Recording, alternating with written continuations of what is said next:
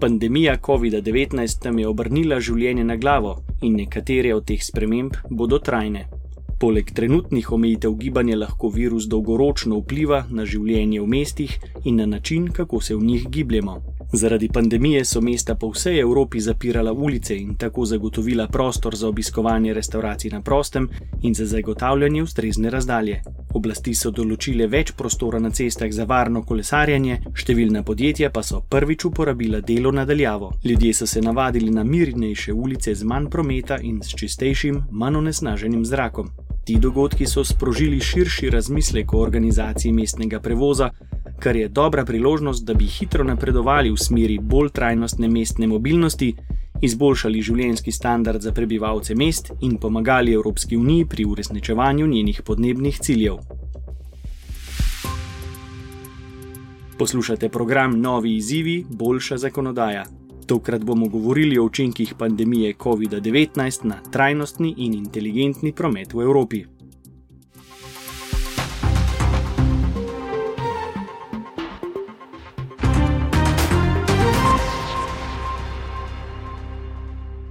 Več kot dve tretjini ljudi v Uniji živi v mestih, zato je nujno treba zagotoviti, da bodo spremembe, ki jih je prinesla pandemija, pozitivno vplivali na sisteme javnega prevoza. Na to je treba gledati kot na dobro priložnost, saj lahko inovacije v mestnem prevozu spodbudijo rast, ustvarijo nova delovna mesta in povečajo trajnostnost. Za voljo pandemije že opažamo prve izboljšave v trajnostni mobilnosti. Nova zasnova vozil bo omogočila ohranjanje varne razdalje med potniki in preprečevala gnečo. Novi električni avtobusi bodo imeli brezstične zvonce, gladke površine za lažje čiščenje in odstranljive sedeže za omejevanje socialnih stikov. Že pred pandemično krizo so potekali preizkusi električnih avtobusov brez voznika, ki bi lahko pomagali preprečevati prenatrpanost. Avtomatizirana vozila lahko pozitivno vplivajo na zdravje ljudi, saj povečujejo učinkovitost prevoznih sistemov in zmanjšujejo emisije. Ena od izboljšav je vključitev načrtov za trajnostno mobilnost v urbanistično načrtovanje, da bi ljudem pomagali uporabljati aktivne možnosti potovanja, naprimer hojo ali kolesarjenje. Načrti bodo pomagali tudi zmanjšati prometne zastoje in uporabljati bolj trajnostne oblike prevoza. Čeprav se v prometni politiki odloča na lokalni ravni, je Evropska unija prispevala nove pobude, študije in kampanje ozaveščanja ter tudi sredstva za okolju prijazen javni prevoz. Unija podpira številne pobude za boljše sodelovanje, razvoj načrtov mobilnosti v mestih ter financiranje pametnejšega in trajnostnega prometa.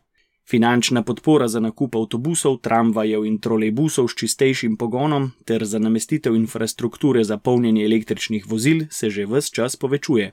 Drugi projekti spreminjajo sosedske v prostor, kjer se lepše živi, ter mestom pomagajo pripraviti trajnostne urbanistične načrte. Poleg tega Unija financira tudi iskanje načinov, kako najbolje vključiti električna vozila in kako ljudi spodbuditi k uporabi alternativnih načinov gibanja od skirojev in souporabe vozil do hoje in kolesarjenja. S kolesarskimi projekti Unija spodbuja mesta naj delijo svoje zgodbe o uspehu, svojim prebivalcem v preskus ponudijo električna in tovorna kolesa ter zasnujejo finančne scheme za spodbujanje ljudi k zamenjavi avtomobilov za kolesa. Unija ponuja podporo za kolesarsko infrastrukturo in scheme souporabe klasičnih in električnih koles, posodablja pa tudi predpise, da bi ljudem olajšala prevoz koles na avtobusih in vlakih. Kaj pa gorivo? Če dalje več je energije iz obnovljivih virov, vendar je njena uporaba še vedno omejena, med posameznimi državami članicami pa so velike razlike. Električni avtomobili postajajo vse bolj priljubljeni, električni avtobusi in tovornjaki pa so še vedno precej redki. Večina ladij, ki pluje po naših morjih, še vedno uporablja dizelske motorje, čeprav se ponekod že uporabljajo hibridni in popolnoma električni trajekti. Železnice so po vsej Evropi večinoma elektrificirane in imajo zato nižje emisije. Letalstvo je še vedno večinoma odvisno od konvencionalnega goriva. V razvoju je vse več projektov električnih zrakoplovov, vendar bo preteklo še nekaj časa, preden bodo izvedljiva električna letala zauzela naše nebo.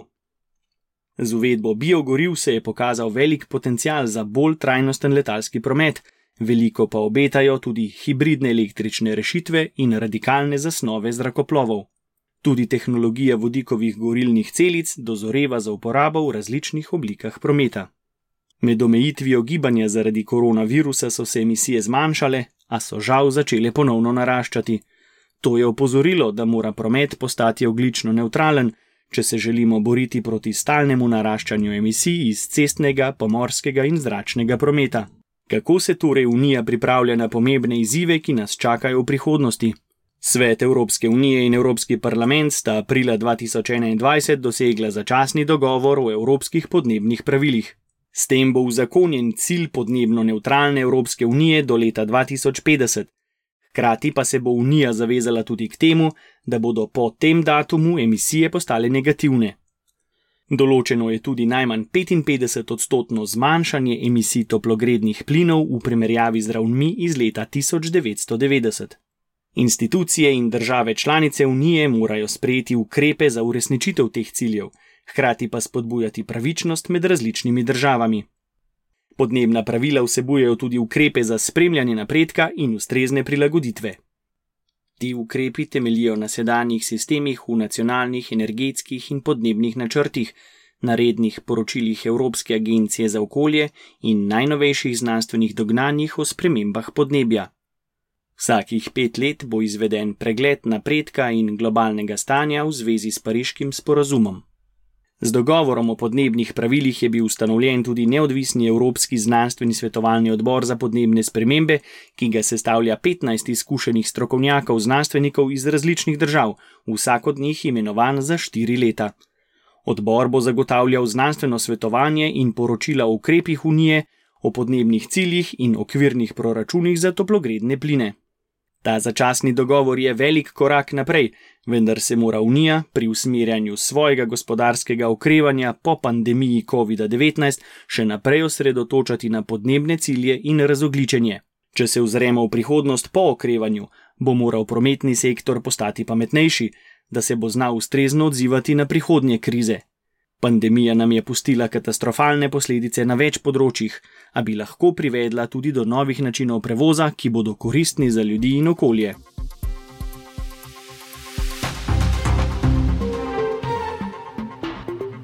To je bil prispevek Evropskega parlamenta. Več informacij je na voljo na našem spletnem mestu Think Tank.